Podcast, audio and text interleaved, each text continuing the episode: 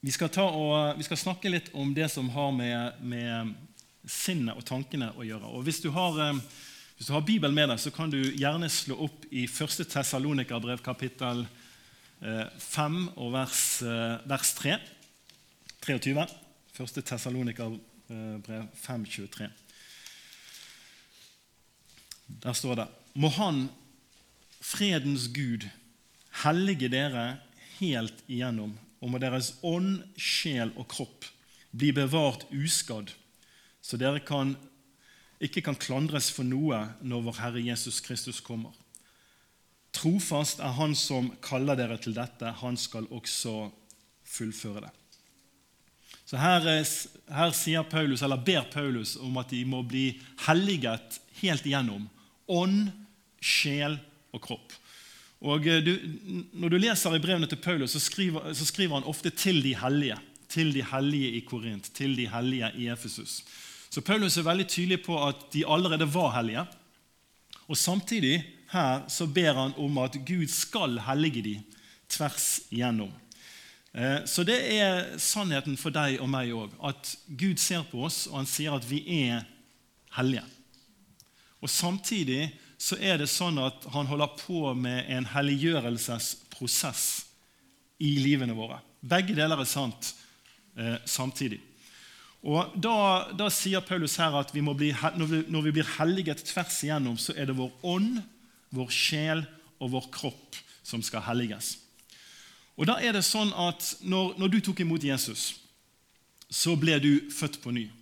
Og Du kjenner sikkert historien om eh, Nikodemus som kommer til Jesus om natten og snakker med han om de tingene som har med Guds rike å gjøre. Og Så har han dette spørsmålet hvordan kan jeg komme inn i Guds rike. Og Så sier Jesus at du må bli født på ny. Og Nikodemus tenker helt naturlig og tenker jeg er en voksen mann, jeg kan ikke komme inn i min mors mage. Hvordan kan jeg bli født på ny? Så sier Jesus det som er født av kjøtt, er kjøtt. Altså det som er født på naturlig vis. Kroppen din er født en gang for alle. Men, sier Jesus, det som er født av ånd, altså med stor Å, det som er født av Guds ånd, er ånd. Vår ånd. Du har en ånd, du har, du, du har et, et, indre åndelig vesen som, som Jesus sier til Nikodemus du må bli født på ny av Guds ånd. Så når du tar imot Jesus, når du blir en kristen, så er ikke det en prosess. Det er et mirakel som skjer sånn. Jesus flytter inn. Han flytter ikke inn i en langsom prosess. Han, blir, hjertet ditt blir forandret.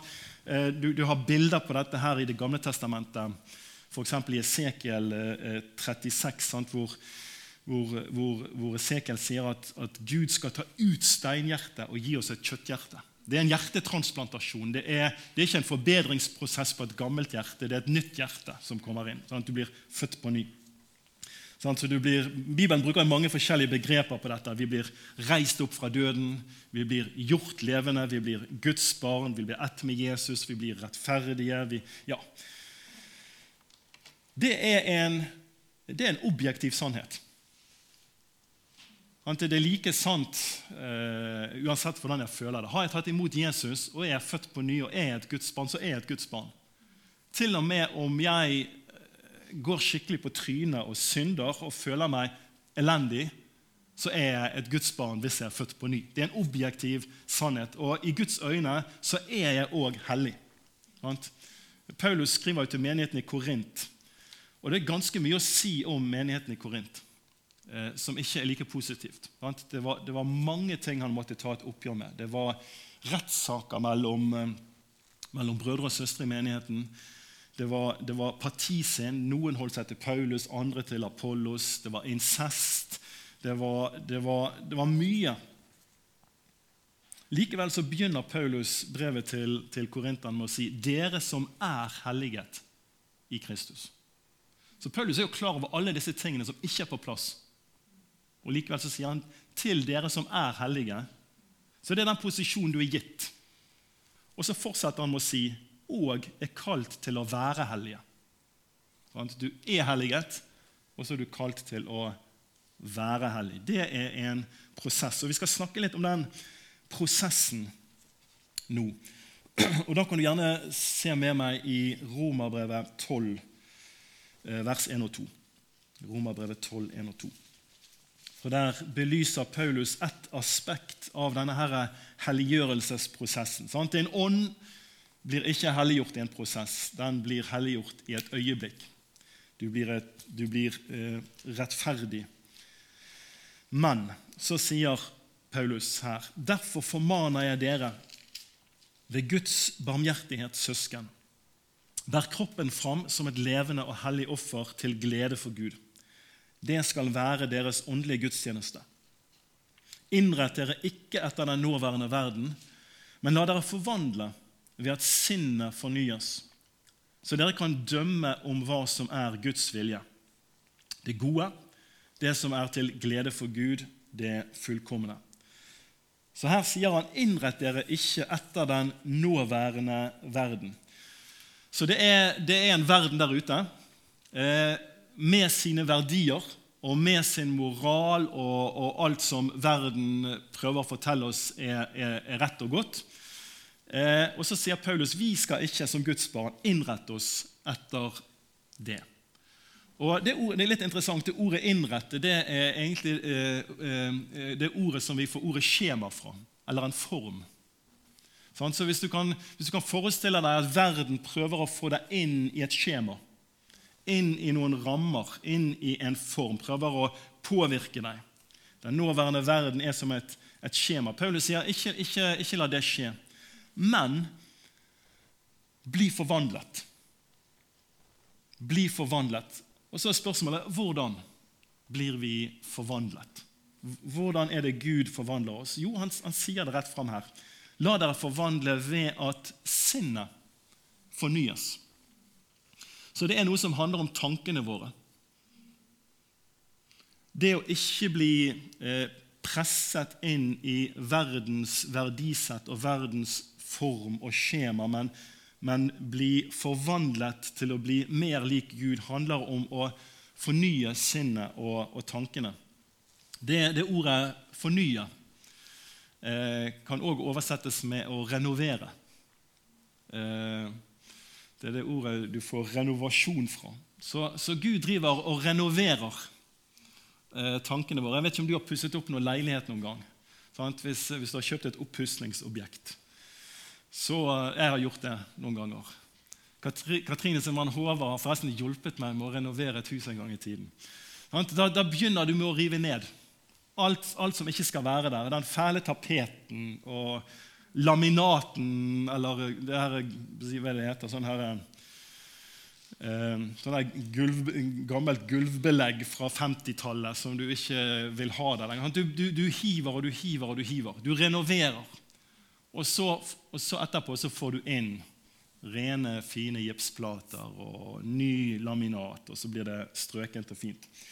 Så Gud sier at vi må renovere livene våre ved at sinnet vårt, tankene våre, blir fornyet, sånn at vi kan dømme om hva som er Guds vilje. Sånn at vi kan teste og skille eh, hva som er Guds vilje. Og det er en prosess. Og det er det vi kaller helliggjørelse. Helliggjørelsesprosessen er en sånn renovasjonsprosess der du på den ene side er hellig, og så blir du helliggjort. Bli med meg til Efeserbrevet kapittel 4. Og så skal vi lese fra vers 17 og en del vers utover. Efeserbrevet 4, 17 så ber jeg dere inntrengende i Herren, lev ikke lenger slik som hedningene.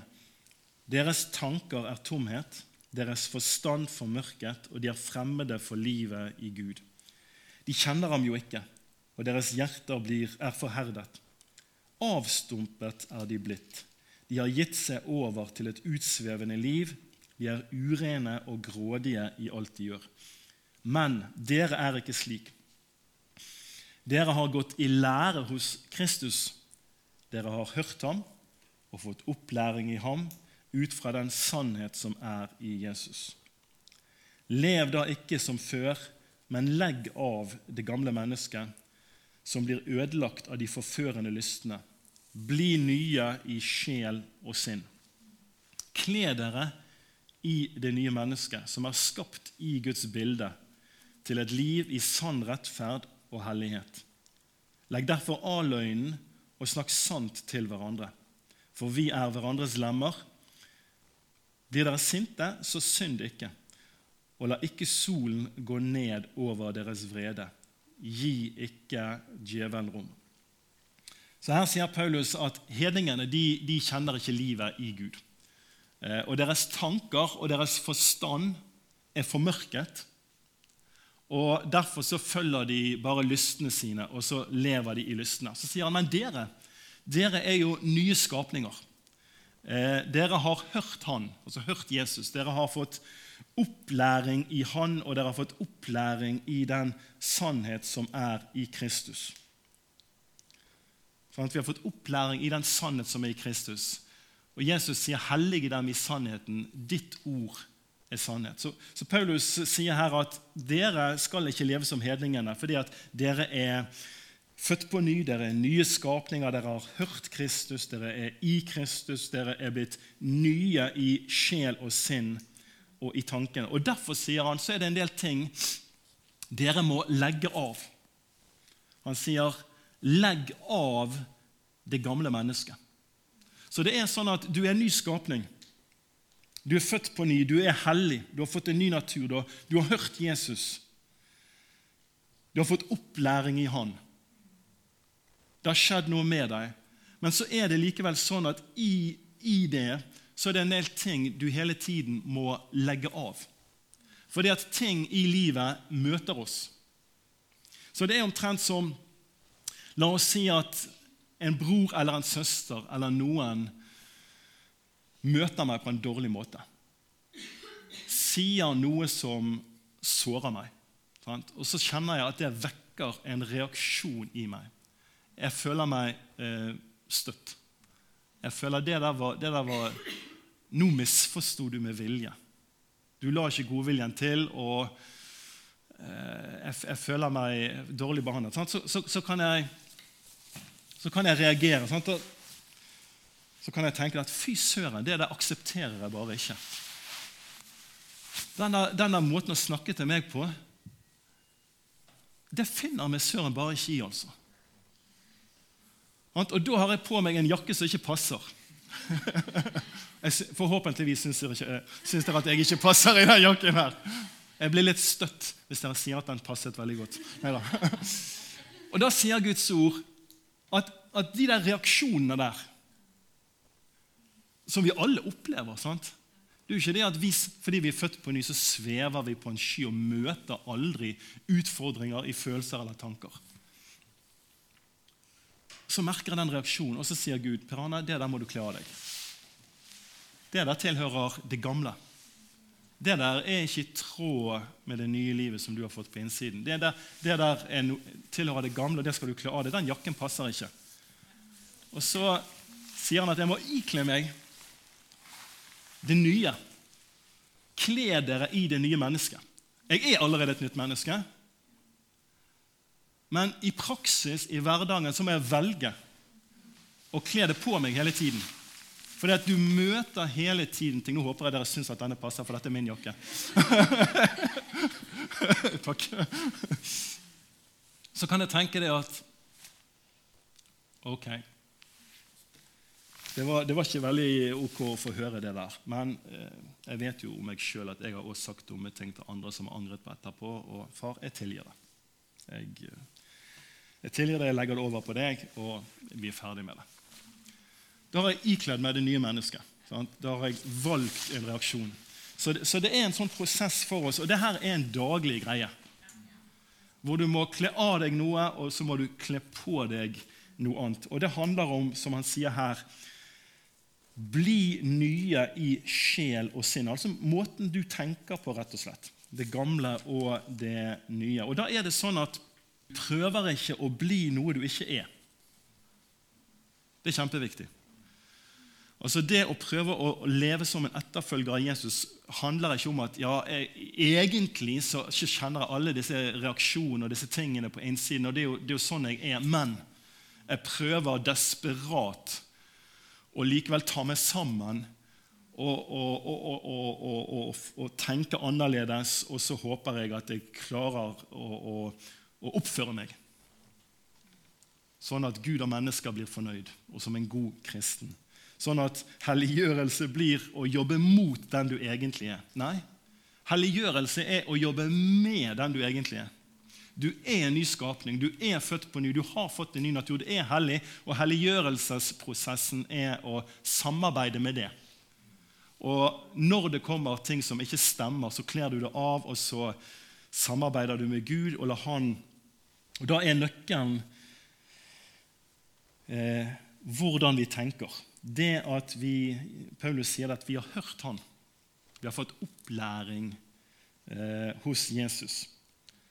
Og Det er litt interessant her at uh, i, i, det vi leste i Efeserbrevet 4, sant? Um, så, så, fortsetter Paulus med, Paulus med å si Blir dere sinte, så synd ikke, og la ikke solen gå ned over deres vrede. Gi ikke djevelen rom. Uh, det er jo interessant at han sier 'blir dere sinte'. Uh, jeg ville jo heller skrevet 'når dere blir sinte'. For det at vi alle opplever vel situasjoner fra tid til annen hvor vi kjenner at vi blir sinte, hvor det skjer. Eh, det skjer, sant? Det er en erfaring vi alle har. Og så sier han når det skjer, skal, skal jeg la solen gå ned over vreden min? Skal jeg være langsint? For det er jo mulig. Noen sa et skjevt ord. Eller kanskje ikke det engang. Kanskje, kanskje noen ikke sa noe når jeg følte de burde ha sagt noe. Jeg kom på møte i dag, og Kristian gikk bare rett forbi meg. Han stoppet ikke og hilste på meg engang.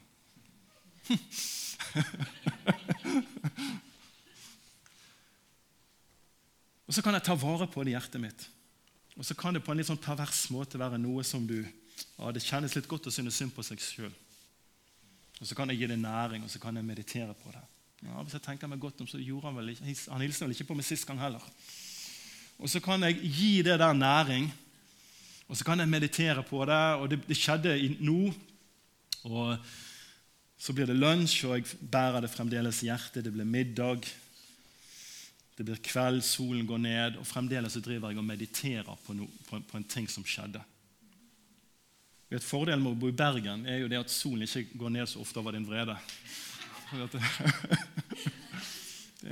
Vi har ikke sol så mye der. Men hva, hva gjør du i, i, sånne situasjoner som vi alle kjenner igjen, hvor, hvor, bare, hvor, det kommer følelser. Noe har skjedd i en eller annen relasjon. Og så sier Paulus, la ikke solen gå nedover deres vrede. Gi ikke djevelen rom. Jeg tror det er en sammenheng mellom det å ta vare på sånne ting i hjertet og det å gi djevelen rom. Jeg vet ikke om du har kommet med fly innover en flyplass eh, om kvelden eller natten noen gang. Sånn, og hvis det er klart vær, så ser du disse her lysstripene, lysene nedover som markerer eh, landingsstripen. Og du, du, bare ser at her, her er landingsstripen.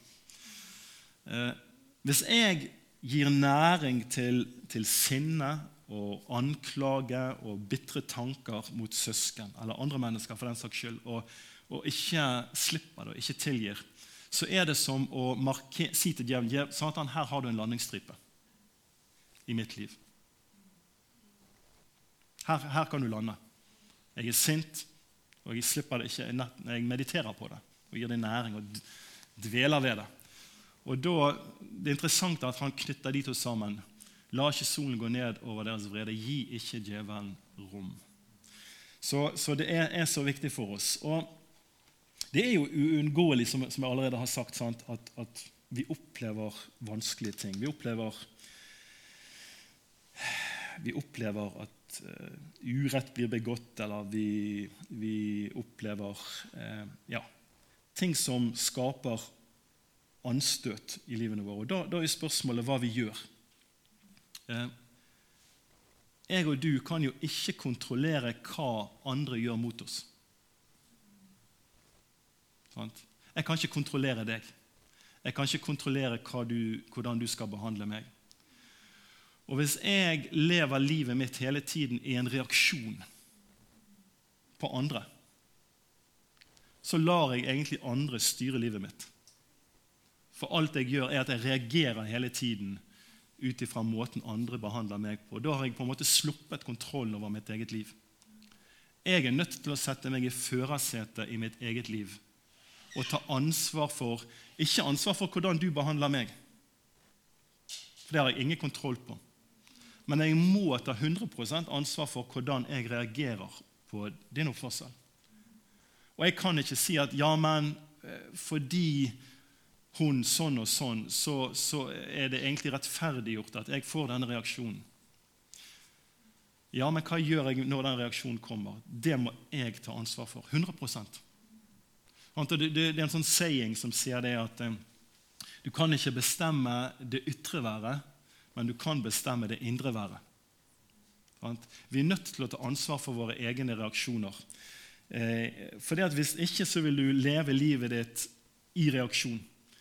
Og hvis du tar det agnet der, så, eh, så blir du såret og sint, og, og, veldig ofte så vil du sakte, men sikkert på en måte trekke det tilbake og få distanse til andre mennesker. Så Jesus, Paulus sier at vi har gått i lære hos Jesus. Så hva lærer Jesus oss når sånne ting skjer? Jo, Den ene medisinen han gir oss, det er at vi må tilgi. Og Jesus er utrolig radikal i forhold til, til det han sier om tilgivelse. Hør på hva han sier i Matteus 6, vers 14 og 15. For dersom dere tilgir menneskene de misgjerningene de har gjort, skal også deres himmelske Far tilgi dere. Men dersom dere ikke tilgir menneskene, skal heller ikke deres far tilgi de misgjerningene dere har gjort. Det er ganske sterke ord.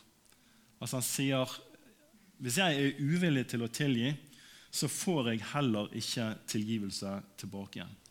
Du vet, Hvis jeg, hvis jeg nekter å tilgi noen, hvis jeg føler meg rettferdiggjort i min sårethet og nekter å tilgi, så er det omtrent som om jeg drikker dødelig gift og håper at den andre personen skal dø. Jeg, jeg, føler på en måte at jeg, La oss bruke Kristian som eksempel. La oss, la, oss føle, la oss, si at jeg føler at Kristian har såret meg. Og så tenker jeg at Når jeg nekter å tilgi han, så straffer jeg han på en måte. Hvis ikke han kommer krypende, så skal nå ikke jeg tilgi han.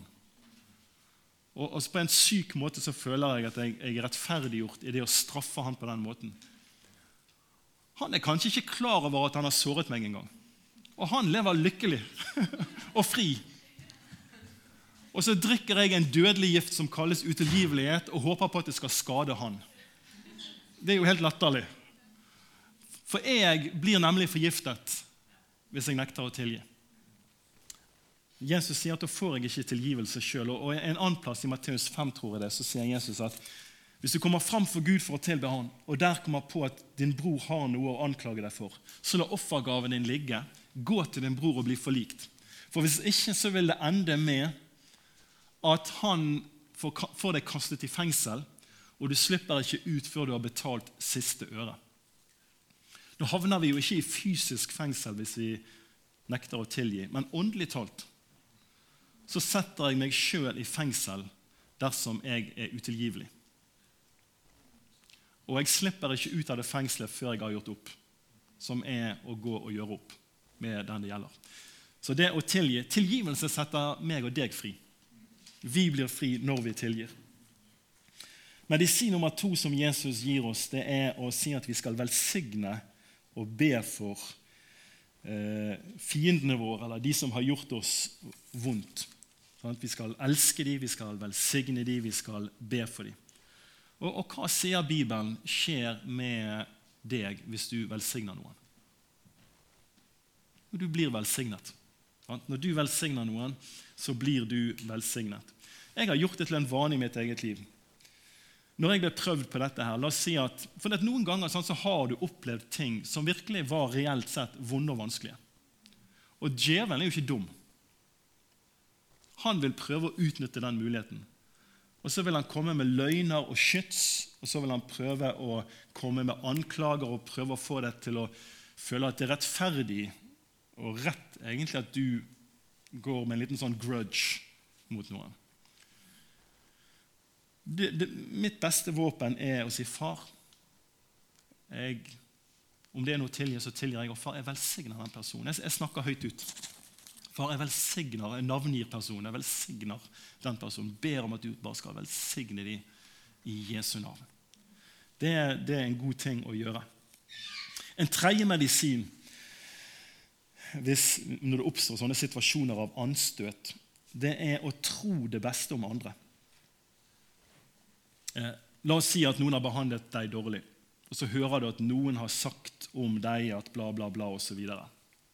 Så føler du at det er et eller annet her. For det, for det første så har jeg funnet ut at veldig ofte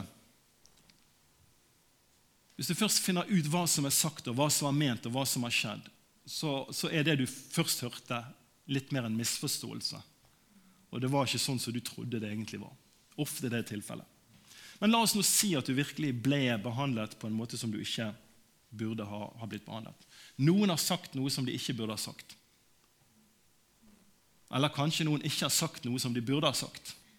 Eller noen har gjort noe de ikke burde ha gjort, eller de lot være å gjøre det de burde gjøre.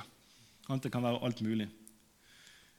Ehm, når det skjer, så kjenner ikke jeg, og heller ikke du, motivene til de som gjorde det de gjorde. Det er utrolig farlig å, å begynne å spekulere og tenke at han gjorde det fordi at og så, og, så, og, så, og så, dømmer jeg ikke bare det som har skjedd, men jeg tror jeg vet noe om hjertet. Det, det, det tror jeg vi må passe oss for.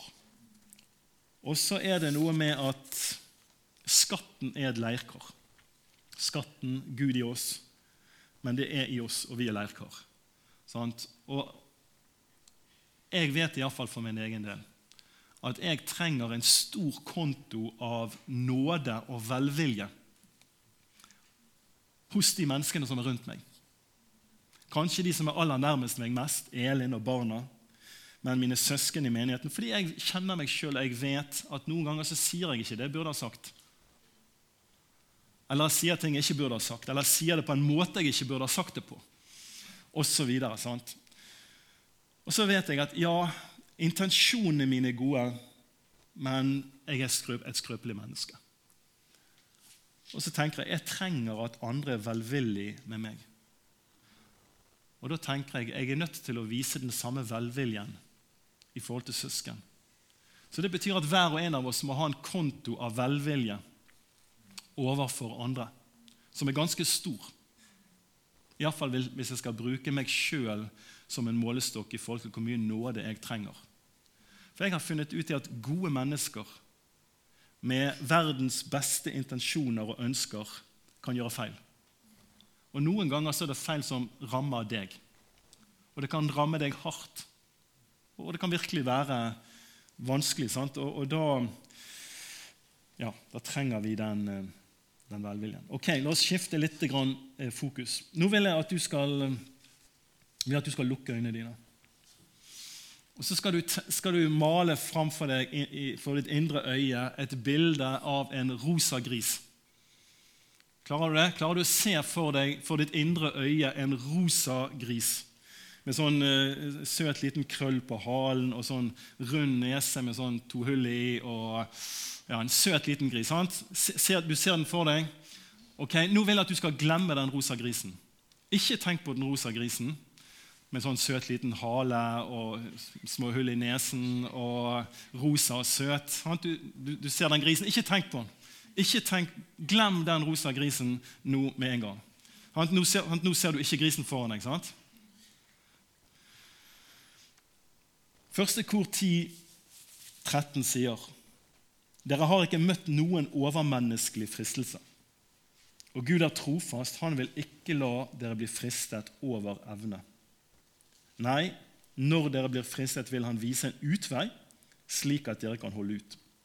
Så når du blir fristet, så sier Gud at han vil, vil gi deg en utvei. Så jeg kan aldri si at jeg måtte synde eh, fordi jeg hadde ikke noe valg. Gud, når vi blir fristet, vil ikke la oss møte noe som er over evne, og han vil alltid vise en utvei. Så hvis du blir fristet for til å bekymre deg, hvis du blir fristet til selvmedlidenhet, eller hvis du blir fristet på det seksuelle området, eller du opplever irritasjon og sinn, eller det kan være mange forskjellige ting, så fungerer det som regel veldig dårlig og, liksom Å, jeg må ikke tenke på det. Jeg, jeg må ikke tenke på det. Jeg, jeg, må ikke tenke på det. Jeg må glemme det. Jeg må ikke tenke på det. Det er mye bedre å skifte fokus og tenke på noe annet. Den utveien som Paulus snakker om her, er som regel ikke å ta seg sammen. og jeg må ikke tenke på Det ikke Det er tenk på noe annet. Skift fokus. Det trenger ikke være et bibelvers. Det kan være hva som helst, men skift fokus. Hvor mange av dere akkurat i dette øyeblikket her tenker på den rosa grisen? Antagelig få. Hvorfor? Fordi jeg skiftet fokus, og du fulgte meg i tankene dine. Så tankene dine ble tatt fra noe til noe annet, og da var den rosa grisen borte. Men når du prøvde å glemme han, så var han veldig nærværende, antagelig. Altså, det er noe med i fristelse eh, no, Noen ganger så ber vi Gud, styr du mine tanker. Eh, det er en bønn Gud ikke kan besvare. Hvis vi ber Gud hjelp meg å styre mine tanker, så kan han svare. Men han kan ikke styre tankene mine eller følelsene mine for meg. Jeg må styre mine tanker. Du må styre dine tanker. Og det er sånn at det du, det du gir oppmerksomhet i tankene dine, vil vokse. På godt og ondt. Det du åpner døren for, vil komme inn og krever plass i tankelivet. Og når det gjelder fristelse eh, Det er så mye lettere å holde døren igjen enn det er hvis du åpner døren for noe og slipper noe inn, og det kommer inn og krever plass, da er det så mye vanskeligere å få den døren igjen.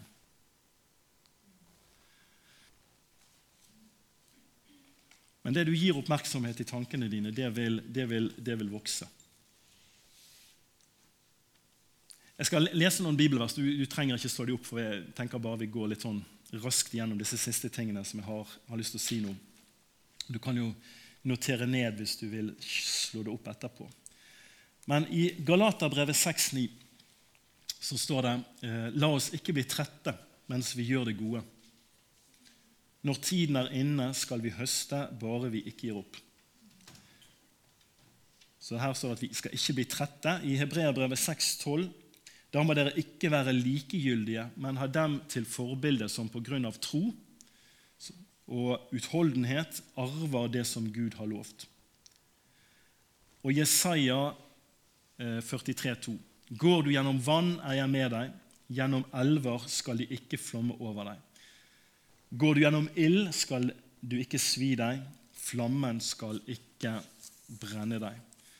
Så Her snakkes det om å ikke bli trette, om å være utholdende og om å gå gjennom ild og vann og ikke gi opp. Med andre ord det som går på å stå løpet ut. For det at noen ganger, Jeg tror vi alle blir testet på motløshet. Satan prøver å gjøre oss motløse. Ting vi hadde håpet skulle skje, som ikke har skjedd. Ting som har skjedd som vi ikke hadde trodd skulle skje. Ting som har tatt lengre tid, eller ser ut til å ta lengre tid enn det vi hadde, hadde trodd. Og Noen ganger så er det fristende å gi opp. Ikke gi opp på den måten at 'nei, nå vil jeg ikke lenger være kristen'. Men gi opp på den måten at jeg slutter å håpe. Slutter å ha forventning. Slutter å være på hugget. Slutter å kjempe. Det er noe med det at hvis du, hvis du slutter å kjempe og du slutter å håpe, så slipper du å bli skuffet. Men hvis du, hvis du, bevarer håp og du kjemper, så, så har, du òg en risiko for å bli skuffet. Og Hvis du blir skuffet nok, så kan du beskytte deg sjøl ved å slutte å håpe. Slutte å ha forventning. Og så lever du uten forventning. Du aksepterer tilstanden. Eh, Du deltar, men du, du driver liksom litt med. Og man kan, man kan, bli litt sånn kynisk. Litt sånn, det blir litt sånn distanse. Eh, det oppleves som man går gjennom, gjennom ild og vann. Og Så er spørsmålet hvordan hjelper Gud oss eh, i de situasjonene der?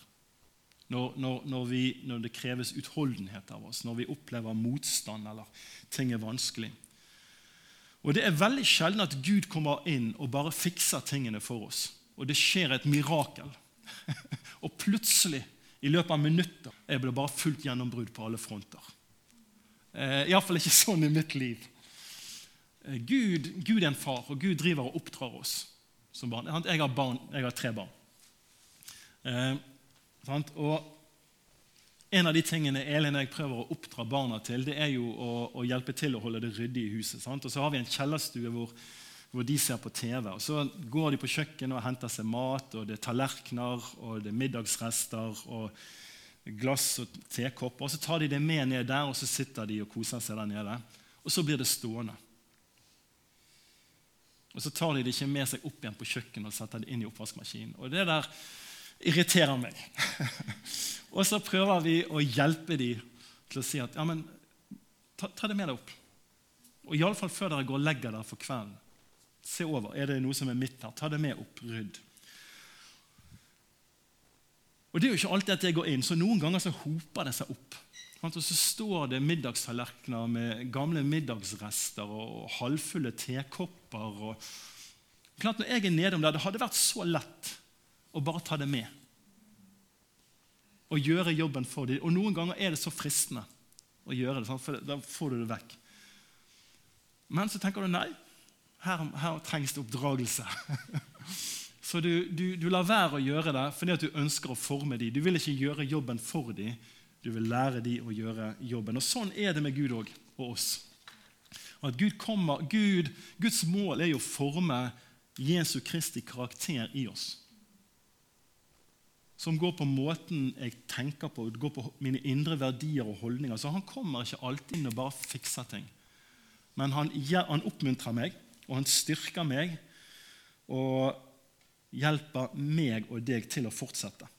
Men det er noe med å fortsette og ikke gi opp. Eh, på engelsk så har de en sånn saying 'keep on keeping on'. Eller du må fortsette med å fortsette. Det er en lønn i å fortsette med å fortsette. Som vi leste i Hebreabrevet 6,12. Da må dere ikke være likegyldige. Likegyldighet er en farlig ting. Men ha dem til forbilde som pga. tro, sånn, denne positive forventningen, og utholdenhet tro og utholdenhet arver det som Gud har lovt.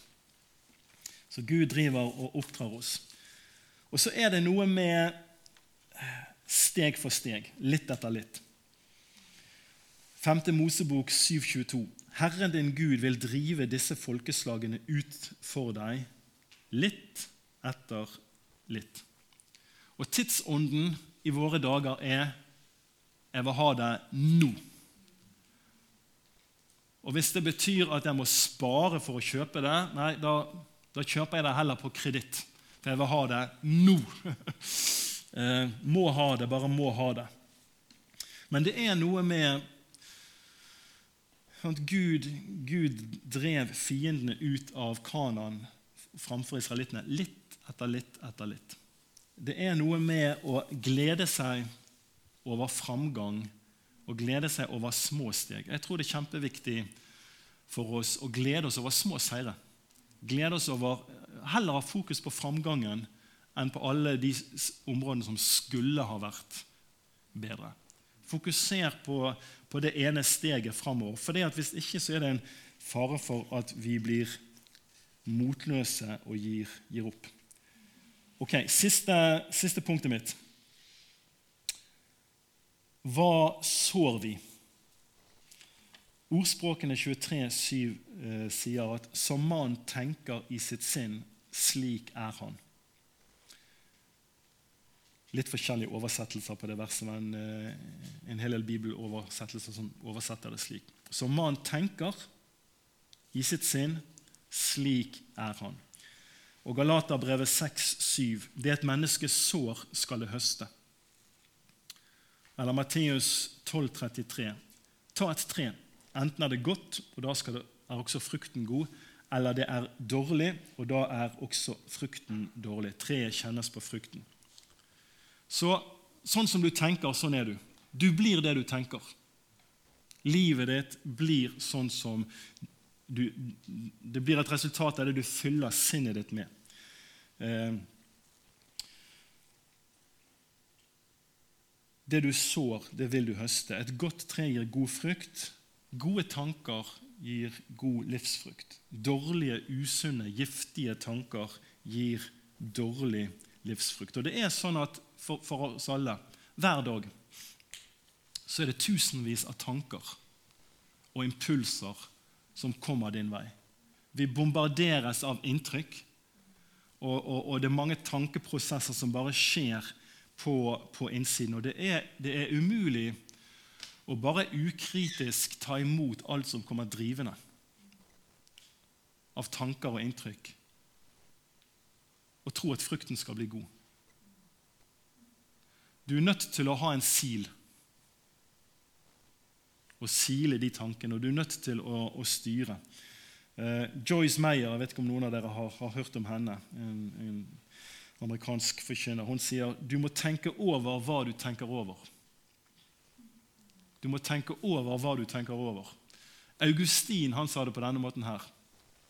Du kan ikke hindre en fugl i å fly over hodet ditt. Men du kan hindre den i å bygge rede på hodet ditt. Med andre ord, du kan ikke kontrollere hvilke tanker som skal komme til deg. Det, det bare, mange ting bare kommer. Men du kan kontrollere hva som skal slippe inn, hva som skal forbli der. Og det ikke bare kan du gjøre, men du, du må gjøre det. Eh, siste skriftstedet. 5. Mosebok 3019. I dag tar jeg himmel og jord til vitne mot dere. Det er Moses som sier dette. her. Jeg har lagt fram for deg liv og død, velsignelse og forbannelse. Velg da livet, så du og dine etterkommere kan få leve. Jeg skulle jo tro at det her var et kjempeenkelt valg. Jeg har lagt foran deg liv og død. Velsignelse eller forbannelse. Sånn at det liksom liv og død, Her er valget. Ganske enkelt i utgangspunktet. Og så er Gud så god at han likevel forteller dem hva de skal velge. Velg da livet. Men poenget er det var faktisk noe de måtte velge. Selv om vi kunne tenke at det er innlysende. Men Gud kunne ikke velge for dem. De måtte sjøl velge. Og Sånn er det i livene våre. Det er så mange valg vi må ta. Hva vi vil tenke, hva vi vil slippe inn. Alle de tusenvis av tankene som, som kommer til deg. At, at ikke jeg lar sinnet mitt, tankene mine, flyte fritt, men at jeg velger hva jeg velger å tenke på. Og så er det sånn at noen ganger når vi gjør det, så føler vi likevel at det ikke hjelper. Og Da må vi velge å ikke gi opp, men velge å være utholdende. Ok, eh, det var Da tror jeg vi har holdt på i fylt tiden vår. Så kan, ikke vi bare be sammen eh, til en avslutning?